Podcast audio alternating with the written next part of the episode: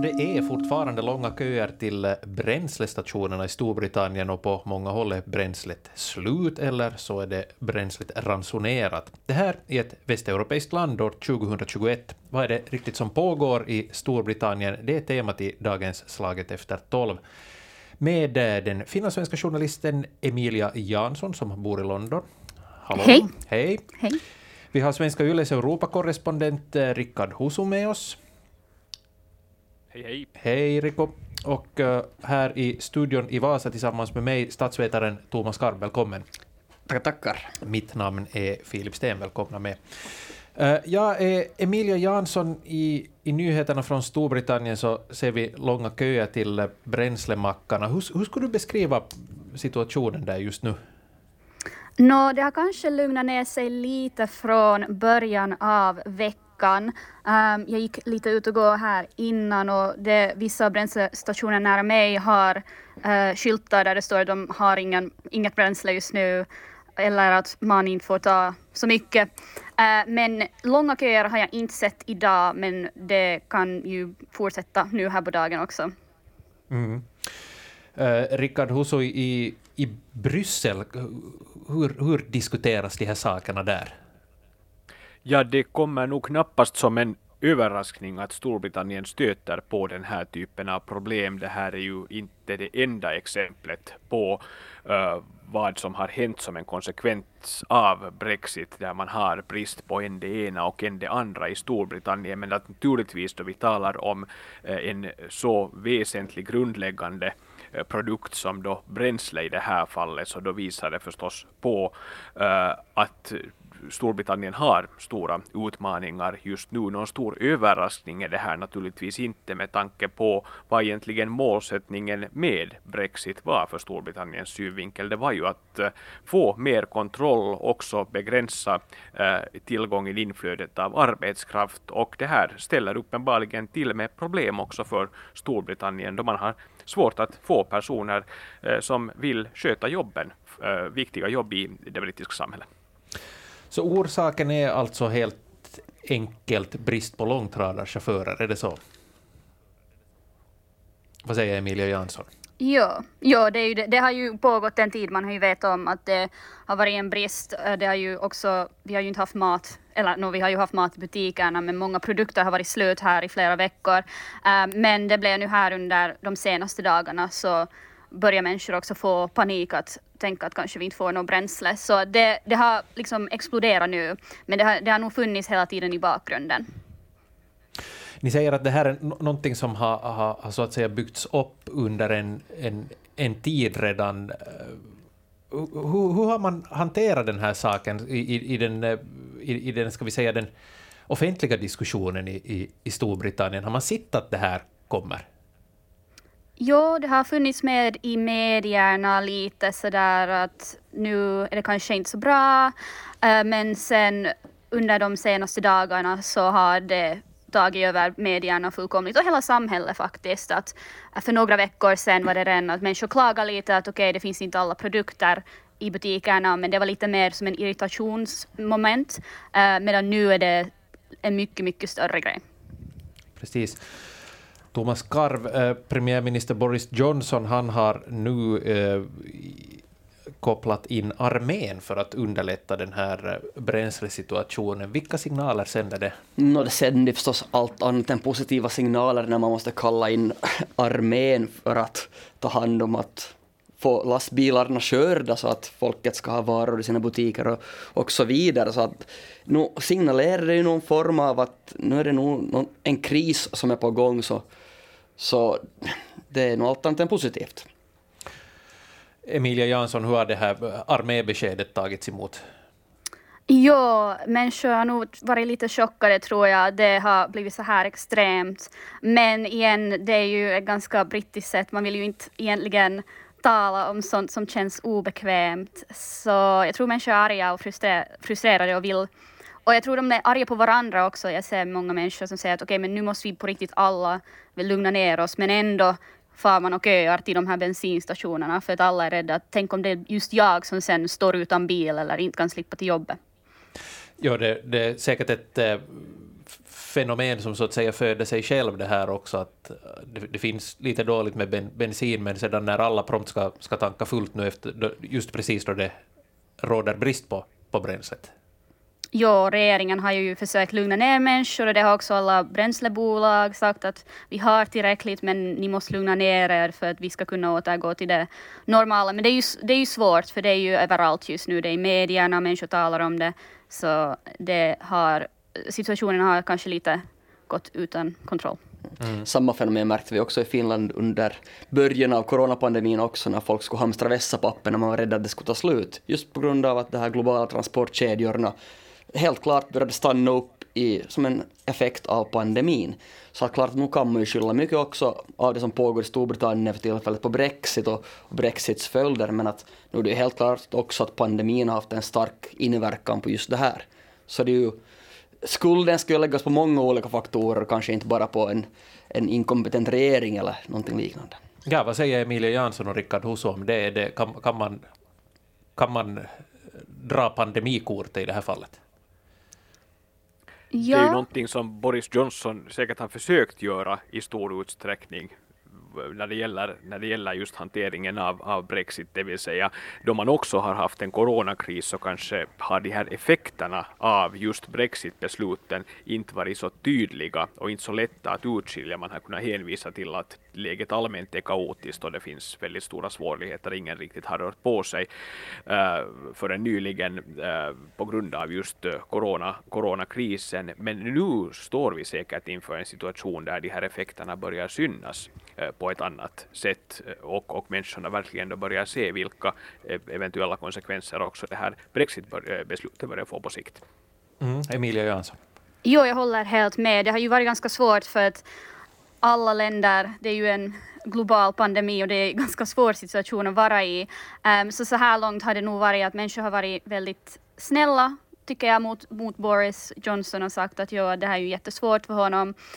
Um, och regeringen har ju, brittiska regeringen då har ju också nu, även i denna situation, sagt att det här är på grund av pandemin, det har ingenting med Brexit att göra. Uh, men hur, sen är det ju frågan hur länge kan man skylla på coronaviruset och när måste man egentligen kanske börja tänka på att hur Brexit egentligen påverkar det vardagliga livet i landet här. Är det inte så att eh, den, brittiska regeringen i princip indirekt har, har eh, medgett att de här problemen är en konsekvens av Brexit. Det talas ju nu om att införa snabbvisum för att få in då utländska eh, långtradarchaufförer till, till Storbritannien. Ja, det är alltså 5 000 per 5 000 lastbilschaufförer skulle de vilja ha att komma hit och jobba just så att hjulen inte förstörs så att man inte har samma problem även då. Men sen, det har ju kommit ganska snabbt det här beskedet och det har ju blivit svårare att komma och köra i Storbritannien just eftersom det är mycket mer pappersarbete just på grund av, av Brexit. Så att sen om de får alla platser fyllda, det är ju kanske en annan fråga. Och frågan man ställer sig där också är ju det att hur långt räcker 5 000 egentligen i ett land av Storbritanniens storlek? Jo, de har ju sagt att det skulle behövas 100 000 mera lastbilschaufförer, så det är ju en lite större summa det. Och, det här är väl någonting som är egentligen uh, rätt typiskt om man har följt med också uh, Boris Johnson och, och den sittande regeringen i Storbritannien, att man gärna fokuserar på punktinsatser där man kan visa på ganska tydliga resultat, säga här har vi kommit in och åtgärdat det här problemet, men även om man då lyckas lösa den här bränslekrisen som man säkert gör på något sätt, så, så löser det ju inte de strukturella problem som man har åstadkommit i och med eh, det här eh, Brexit-beslutet, det vill säga att, att tillgången på arbetskraft ser eh, annorlunda ut. Man har betydligt mer pappersarbete och byråkrati och att de här besluten inte ens märks fullt ut ännu därför att man fortfarande har olika typer av övergångsperioder inom olika sektorer så att man kan räkna med att den här byråkratin och de här svårigheterna egentligen bara förvärras under de kommande månaderna och åren. Ja, det är också att det är bara knappt gått tio månader nu sedan Storbritannien faktiskt lämnade EU och att redan tio månader in i självständighets, vad ska man säga, självständighetsprocessen behöva införa ett snabbvisumsystem för en viss yrkesgrupp för att kunna råda brist råda brist på arbetskraftsbristen, eller kompetenta arbetstagare. Så det är ett otroligt starkt symbolvärde när en av huvudargumenten för, för Brexit som Boris Johnson och Tories då framförde var att nu ska vi, nu ska vi ha brittiska jobb åt britter och vi kommer klara oss själva. Men bevisligen så klarar de inte sig själva för det, de är beroende av utländska arbetstagare för att få samhället att fungera. Och det här är ju en stor politisk förlust för Boris Johnson och han har ju nu öppnat en ask som troligtvis kommer att öppnas ännu, ännu mera i takt med att bristen på personal inte kommer att kunna åtgärdas. För det är ju som inte bara inom, den, inom lastbilsbranschen som det finns brist på kompetent arbetskraft, utan det gäller ju restaurangbranschen, det gäller butiker och det gäller också högkompetenta, arbet, högkompetenta branscher som till exempel inom sjukvården, där det finns brist på läkare och skötare och, och, och så vidare. Jag läste här alldeles nyss före sändningen en, en artikel där man eh, också uttryckte oro inför eh, julen här, att eh, jo, i och för sig med pandemin då mycket av handeln sker över nätet, men det är någon som ska packa de här paketen också i de, i de här stora lagren och, och de har också väldigt svårt att hitta arbetskraft. Nu har, har, har vi liksom kommit till den punkt nu där verkligheten har kommit ikapp Brexit Storbritannien? Delvis så verkar det nog lite så att klart att de gick ur EU med, med löften om att nu ska man göra Storbritannien, inte great again, men i alla fall att Storbritannien ska klara sig själv om vi kommer gå en ljusare framtid till mötes på egen hand. Samtidigt som vi fortsättningsvis kommer ta del av allt de här positiva sakerna som ett EU-medlemskap tidigare medförde. Det skulle ju inte ta sjukt någonstans att gå ut ur EU, utan allting skulle bara bli bättre. Det var ju löfte. Men redan här nu då, som sagt tio månader in i den här nya eran, så märker man ju att dessa löften har inte då infriats. Tvärtom så ser man att livskvaliteten generellt håller på att, att gå ner. Om man nu mäter då livskvaliteten med tillgången till bränsle är väl en, en, grund, en grundsak för ett, ett bra liv, om man nu har en bil till exempel. Så det, det är ju klart att nu kommer ju det här att sprida ett stort missnöje och folk en del känner sig säkert lite lurade, i alla fall så här inledningsvis. Sen vet vi ju inte på sikt att kanske alla de här löftena om en ljusare framtid som du har utlovats kommer att infrias på sikt, men i alla fall i nuläget så ser det ju nog verkligen mörkt ut. Emilia, och det intressanta ja. när man ser... Ja, varsågod det intressanta också när man ser på, på undersökningar och när man har mätt eh, och kartlagt opinionen bland eh, britterna så har ju många av dem som förespråkade beslutet att gå ut ur EU eh, gjort det med insikten om att det här kan få negativa konsekvenser på kort sikt. Alltså eh, man, man har åtminstone eh, så att säga på ett teoretiskt plan funnit sig i att, att det här kan innebära vissa inskränkningar. Men sen är det naturligtvis en annan sak hur det här eh, konkret utfaller sen då man står inför de här konsekvenserna och tvingas möta dem i sin, i, i sin vardag. Då kan det naturligtvis hända att det börjar få politiska konsekvenser och att äh, Boris Johnson plötsligt befinner sig i motvind. Ja, och jag tycker också att det här beror mycket på om vanliga britter kommer orka tala om Brexit. Det har ju hållit på i över fem år och jag tror att många är väldigt trötta och, och skulle inte orka tala om det här igen. Och det är också lite, det, det är ganska inflammerat och jag är ju såklart, jag är ju finländare, jag, jag är ju europé, så de kan inte undgå att inte tala om det med mig. Men jag märker i det professionella men också det personliga livet att det är lite så här, det är lite pinsamt att tala om Brexit med mig kanske. Ja, är det, är det lite sådär...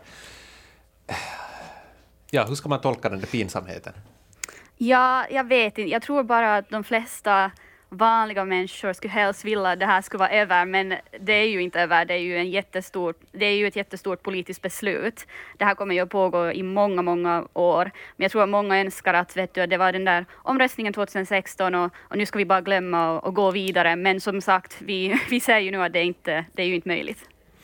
Men hur, hur går eh, diskussionen då till exempel i, i, i media i Storbritannien just nu? Kan man där då diskutera det här eh, problemet så som det är alltså att, att det, det nu helt enkelt råder brist på arbetskraft och, och att det med, med stor sannolikhet är en följd av just Brexit? Jag tror att det, jag tycker det fortfarande debatteras lite.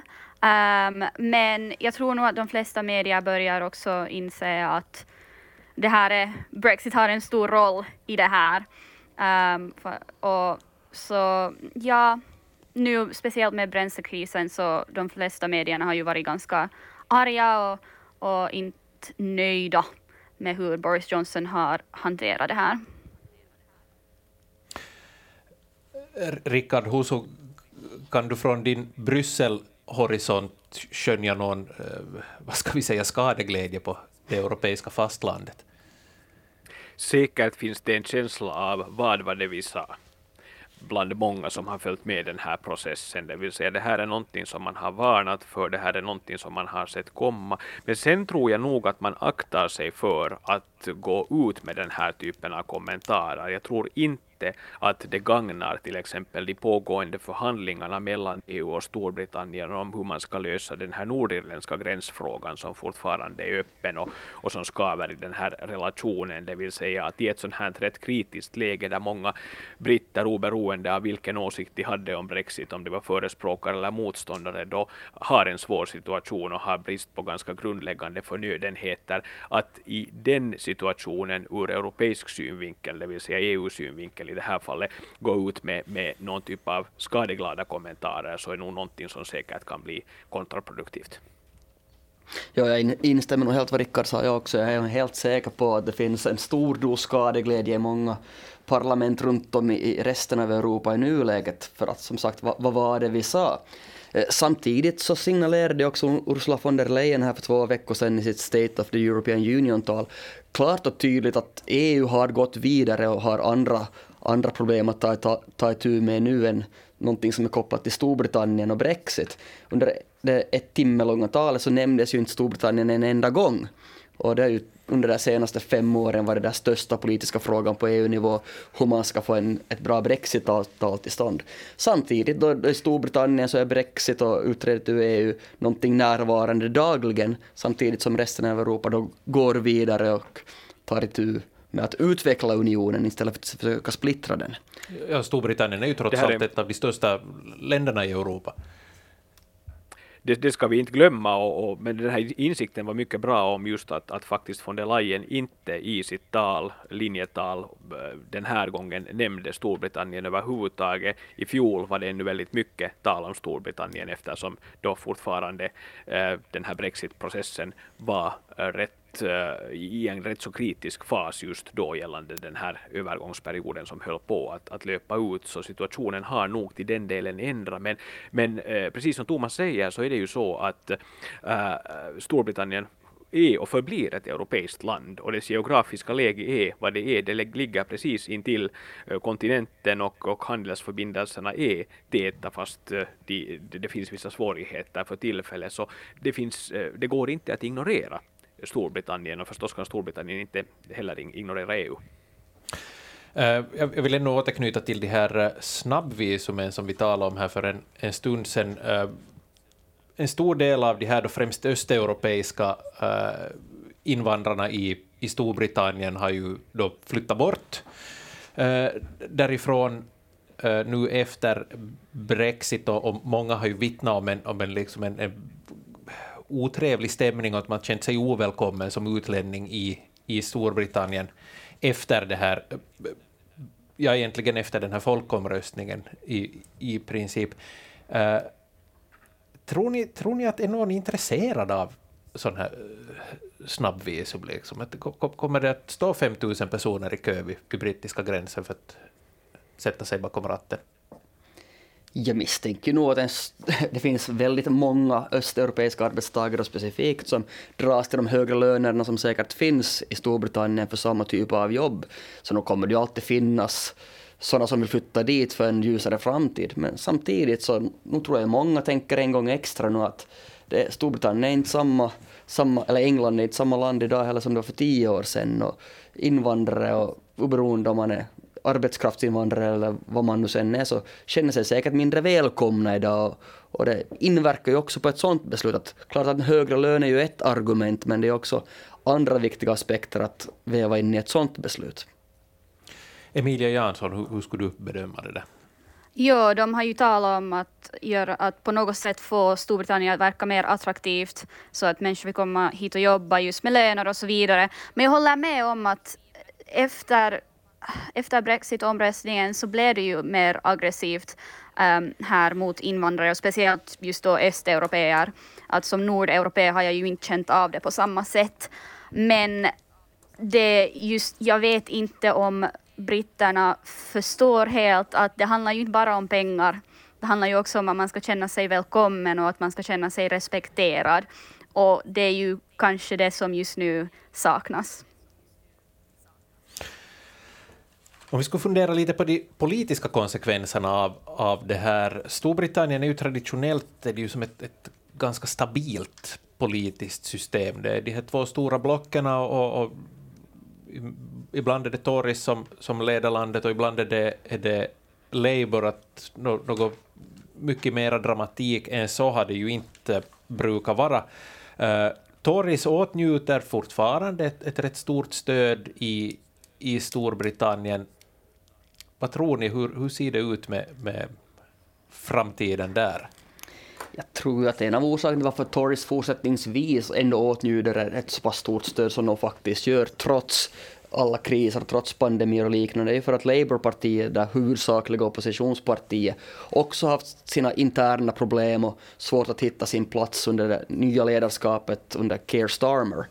Eh, det är väldigt många, speciellt inom vänsterfalangen, som har varit väldigt missnöjda med den riktning som Labourpartiet nu verkar ha tagit, vilket då har tvingat Starmer att försöka städa eget hus och därför inte kunna lägga all energi på att kritisera Boris Johnson och Tories, vilket då han borde ha gjort. För jag menar, det finns ju alla förutsättningar nu för att Labour att faktiskt segla upp som ett bra alternativ. Speciellt som att Keir Starmer också var, var tydlig EU-vän, så att där finns ju också ett triumfkort med tanke på att hans företrädare Jeremy Corbyn hade lite mer diffus inställning till det hela den här Brexit-frågan så har man ju i alla fall nu en partiledare som var tydligt pro-europé. Så. Men jag tror ju nog att när Keir Starmer och Labourpartiet börjar få ordning på skeppet så kommer ju nog också det märkas i opinionsunderstödet för det partiet. Så jag tror ju inte att det här opinionsledningen som Tories nu har haft under en otroligt lång tid, ända sedan valet 2019 när de fick en rungande majoritet så tror jag ju inte att nödvändigtvis kommer att hålla i sig när de negativa effekterna av pandemin, negativa effekterna av Brexit verkligen ger, ger sig till känna. Det kom ju här i veckan också rapporten om att den ekonomiska återhämtningen i Storbritannien kommer gå mycket, mycket långsammare än i Europa. Så trots att vi i Europa inte kanske kollar riktigt mycket på vad som händer i Storbritannien nu för tiden jämfört med vad vi gjorde tidigare så har ju nog britterna koll på vad som händer i Europa när de märker att det, det går bättre i Europa. Så det kan ju också ha negativa följder. Ja, Keir Starmer han har ju misslyckats med att um, få de unga speciellt att rösta på honom. Att jag räknar honom mig själv som ung och här för några veckor sedan så sa Boris Johnson att inkomstskatten till exempel ska höjas här i Storbritannien och det kommer då vara främst unga människor som påverkas av det här och bland annat så finns det planer på att de ska, man ska måste betala tillbaka sitt studielån mycket tidigare än förut. Så det logiska skulle vara då att alla unga, speciellt med Brexit också, skulle då titta mot Keir Starmer och tänka att ja, det här är, kanske det här är mer för mig. Men det har inte heller hänt på samma sätt. Sen är det ju intressant att se hur Labour positionerar sig just i, i förhållande till EU. Där har man ju också ett potentiellt eh, trumfkort i att tydligare kunna positionera sig, tala för eh, ett närmare band till EU och att på något sätt bygga upp en mer konstruktiv relation. Men det känns ju fortfarande som att man inte riktigt kommit så långt här, kanske just på grund av att det också bland Labour-väljarna finns en betydande andel som då röstade för Brexit och att man, liksom, man inte riktigt kan bestämma sig uh, hur man ska förhålla sig i den här frågan och, och, och, och, och var tyngdpunkten så att säga borde, uh, borde ligga. Om man ser på, på Tories så är det nog inte lätt att vara en EU-vänlig konservativ väljare för tillfället uppfattar jag i, i Storbritannien. Det, det hade nog inte varit på, på flera år. Eh, det vill säga om man inte då vill gå över till, till uh, Labour, vilket många inte vill göra, så är man ju illa tvungen då att, att stödja ett parti som har en väldigt annorlunda position just nu i EU-frågan. Men grundproblemet är då alltså in, inte det, om jag tolkar er rätt, att, att Tories är så starka, utan det att, att Labour är så svagt? Det är nog min analys åtminstone. Jag skulle också säga det. Ja. Precis. Uh, då, det, har ju, det har ju traditionellt i Storbritannien så har vi ju inte heller sett liksom någon sån större större äh, politiska proteströrelser. Nu, nu, okay, Ukip förstås, men det var ju närmast en ensaksrörelse i det här. Tror ni att, tror ni att det, det finns äh, grogrund för, för sådana rörelser i Storbritannien idag, nu särskilt om det här Eh, de, de här eh, leveransproblemen i dagligvaruhandeln fortsätter och folk faktiskt märker att, att det, det börjar gå sämre? Ja, så bevisligen finns det ju en stark grogrund i Storbritannien för olika både politiska och generella sociala proteströrelser. Att Storbritannien har en väldigt stol, stolt historia när det kommer till politiska strejker och liknande, speciellt under, under 80-talet. Så att också Ukip-partiet som du var inne på, som var ju som ett parti som grundades som en proteströrelse mot, mot EU-medlemskapet och de fick ju sin vilja igenom och sen efter det så har de lite upphört, nej, i princip upphört att vara en politisk faktor.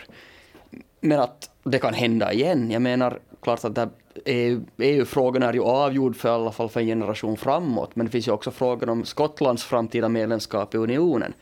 I det skotska parlamentsvalet här i, i våras så vann ju det skotska nationalistpartiet och de hade ju sagt att får de en majoritet så kommer de försöka ordna en ny folkomröstning om Skottland ska vara en del av Storbritannien eller inte.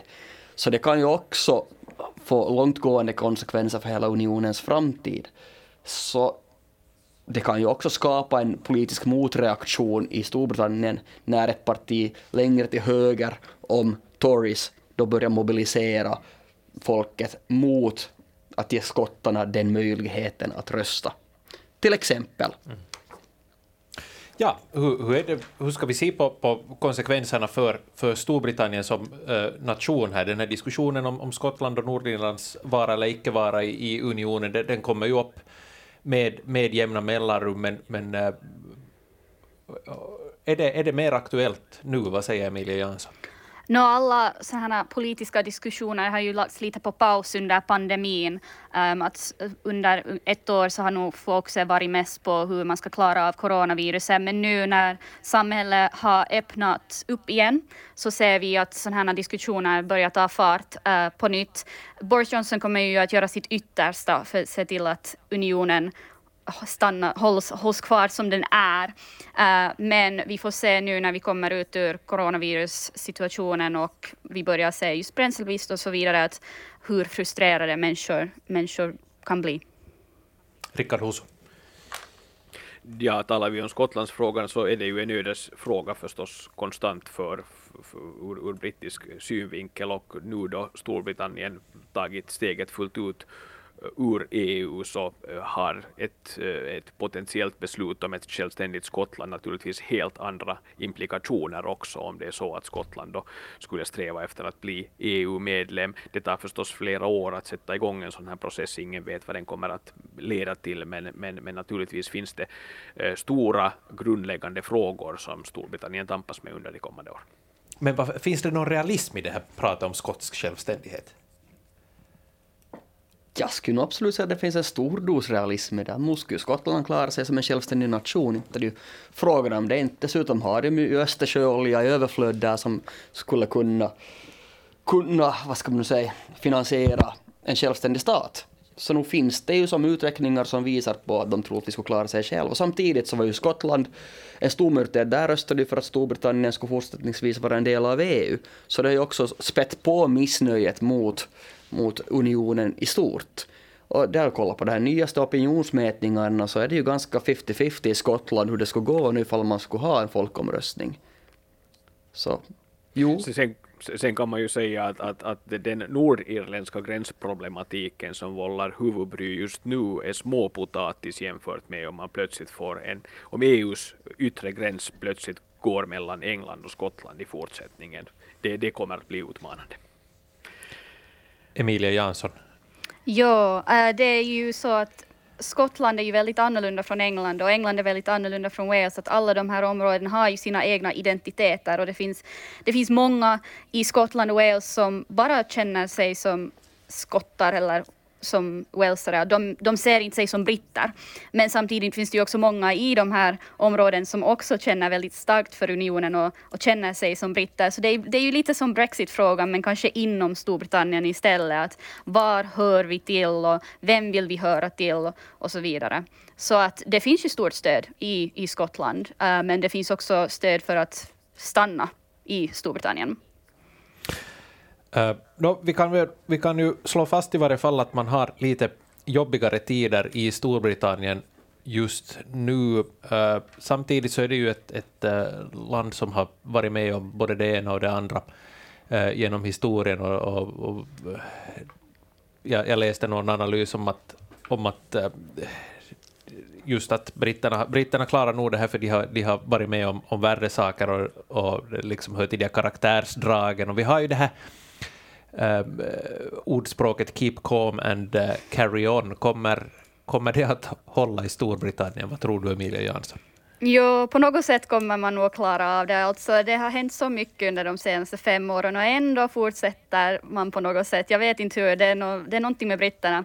Så de kommer nog klara sig ur det här läget på något sätt. Um, men det kommer ju fortsättningsvis att komma olika, uh, just som Rickard sa, att att det kommer att tampas med olika problem gällande Brexit här nu under de nästa kommande åren. Så det här var ju en, en kris, men inte tror jag det är den sista.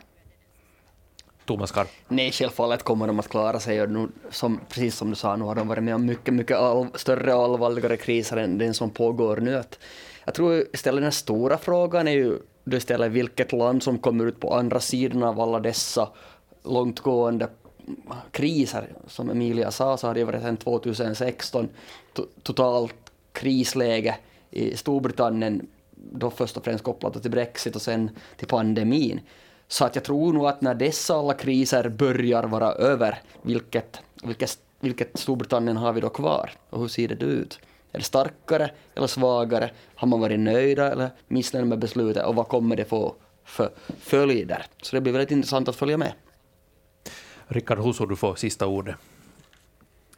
Jag har inte kommit åt att resa i Storbritannien nu på sistone på grund av coronakrisen, men eh, mina intryck eh, under brexitprocessen då jag talade med britter så har nog varit det att, att också personer som är väldigt kritiska till själva brexit och som tycker att det här var ett dumt beslut så har ändå någon typ av grundläggande optimism då det gäller Storbritanniens förutsättningar att klara sig. Det vill säga man ser att det är en svacka, man ser att det är beklagligt men samtidigt så är man nog rätt säker på att Storbritannien också kommer att eh, klara sig, att man kommer att hitta nya sätt att samarbeta och lyckas eh, positionera Storbritannien i världen.